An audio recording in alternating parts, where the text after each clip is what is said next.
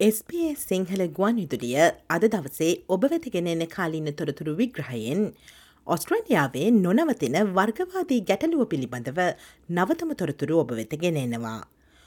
ඔස්ට්‍රේලියාවේ සැමට සමානව සැලකීම සහ සමාන අවස්ථා ලබාදීම සහතික කිරීමේ උත්සාහයක් ලෙස රේෂල් ඩිස්ක්‍රමිනේෂන් පනත හඳුන්වාදී අඩසිය වසකට පමණ පසුවත් තම සමේවරණය නිසා පාසලේදී හෝ රැකියාස්ථානයේදී තමන්ට වෙනස් ලෙස සලකන බව ජනතාව විසින් තවමත් වාර්තා කරමින් සිටිනවා.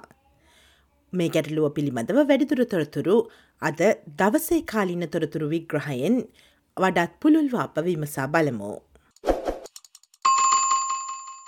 මීට වසර හතලිස් අටකට පෙර එනම් එක්දහස් නමසය හැත්ත පහේ ඔක්තෝම්බර් තිස්සෙක් වැනිදා ඔස්ට්‍රලියාවේ ගෆ් විට්ලම්ගේ කම්කරු ආණ්ඩුව විසින් වර්ගවාදය මත පදනම් වූ අගතීන් විසඳීම සඳහා වාර්ගික වෙනස්කම්වලට අදාළ නීති ඇතුළත් පනතක් එනම් රේෂල් ඩිස්ක්‍රමිනේෂන් ඇක්් සම්මත කර තිබෙනවා. මෙම පනතේ අරමුණ වූයේ ඔස්ට්‍රේලියයානුවන්ට ඔවුන්ගේ පසුබිම කුමක්කුවත් සමාන අවස්ථා ලබා දීමයි.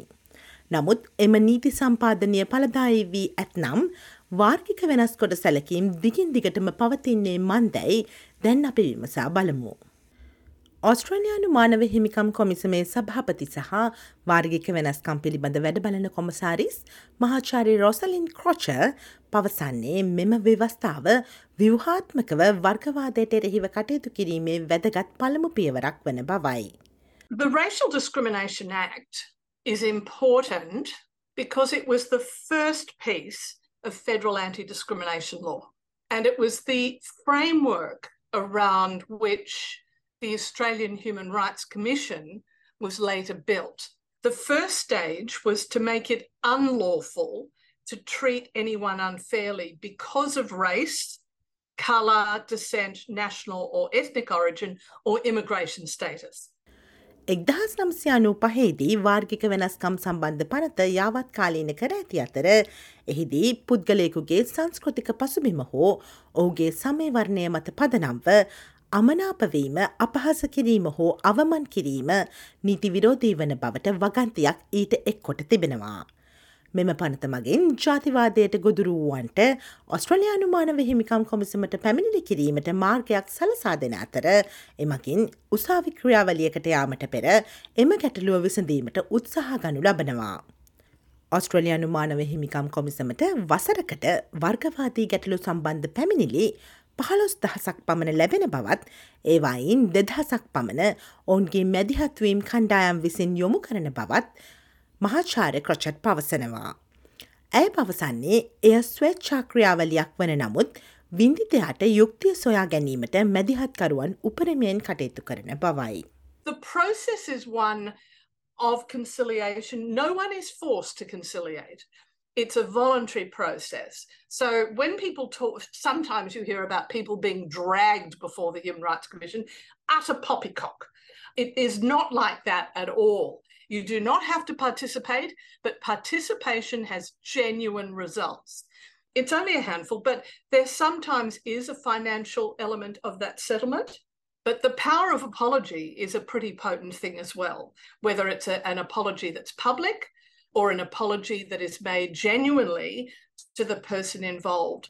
වාර්ගික වෙනස්කම් පිළිබඳ පනතවැනි නීතිමකින් සේවාස්ථාන සහ ආයතනවල පුද්ගලයින් පැදිලි ලෙසම වෙනස්කොට සැලකීම තහනම් කර තිබියදීත් රැකියාස්ථානයේ සහ බඳවා ගැනීම් ක්‍රියාවලින්හි වෙනස්කොට සැලකීම් පිළිබඳ වාර්තා විශාල ප්‍රමාණයක් ලැබී තිබෙනවා. ඇතැම් විට මෙම පැමිණිඩිවල වර්තනයක්ද දක්නට ලැබෙනවා.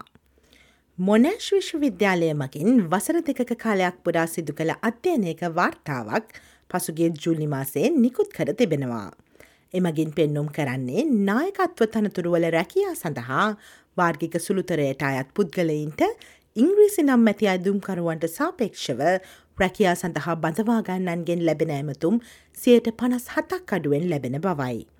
ඒ අනුව නායකත්ව තනතුරු නොවන රැකියා සඳහාද වාර්ගික සුළුතරයට අයත් පුද්ගලයින්ට ලැබෙන්නේ සියයට හතලිස් පහකටත් වඩා අඩු ඇමතුම් ගණනක්.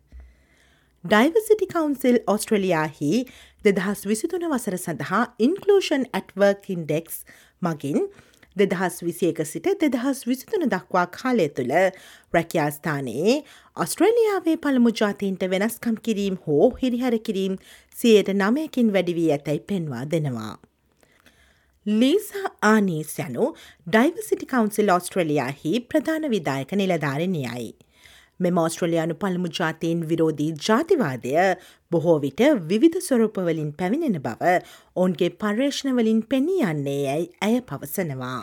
We did a piece of work with the UTS Jumbunna Centre on the experience of First Nations peoples, and 60% of them described experience racism at work, and that ranged from explicit racial slurs, so that still happens, to more subtle forms of racism. So, for example, telling someone who's First Nations that, oh, you don't look Aboriginal, or you feel you, oh, congratulations, you know, on, on getting through university. You know, there's a spectrum of harm.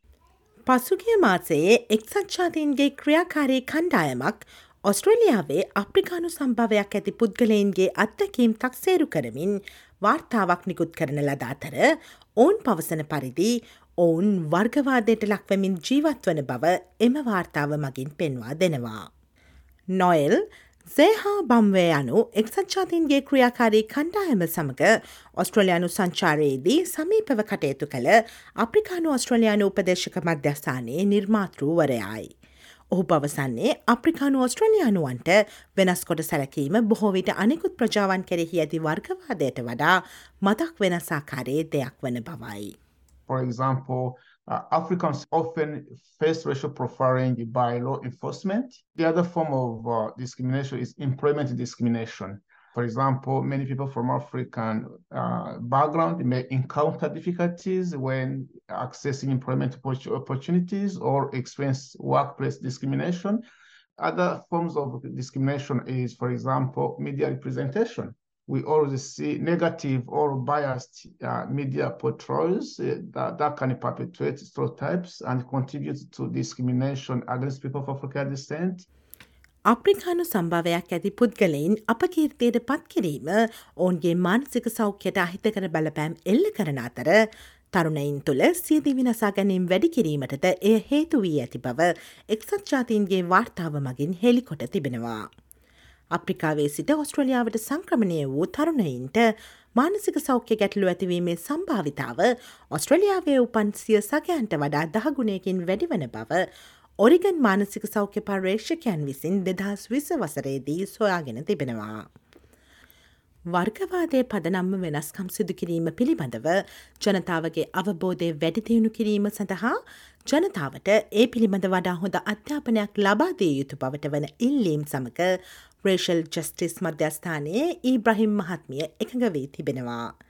ඇය පවසන්නේ ඔස්ට්‍රලියාවේ සිටින ජනතාව මෙම වාර්ගික වෙනස්කම් සිදු කිරීම වෙනත්තාකාරයේ වෙනස්කොට සැලකීම් වලට වඩා සුවිශේෂී ලෙසින් හඳුනා ගත යුතු වන බවයි.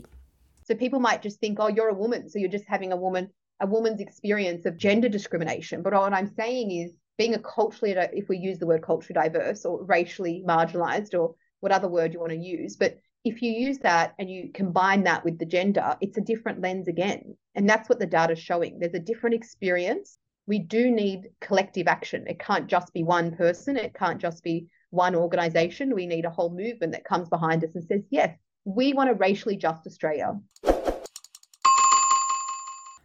ඔස්ට්‍රලියාවේ කාලීන වශයෙන් වැදගත් වන තොරතුරු SBS සිංහල සේවේ විසින් දෛනිකව ගෙනෙන කාලීන තොරතුරු විග්‍රහයෙන් සජීව ලෙස අපි ඔබ වෙත ගෙනෙනවා.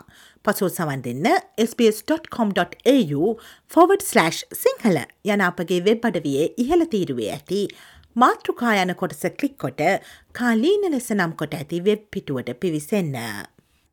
SBS SBS SBS SBS SBS SBS Radio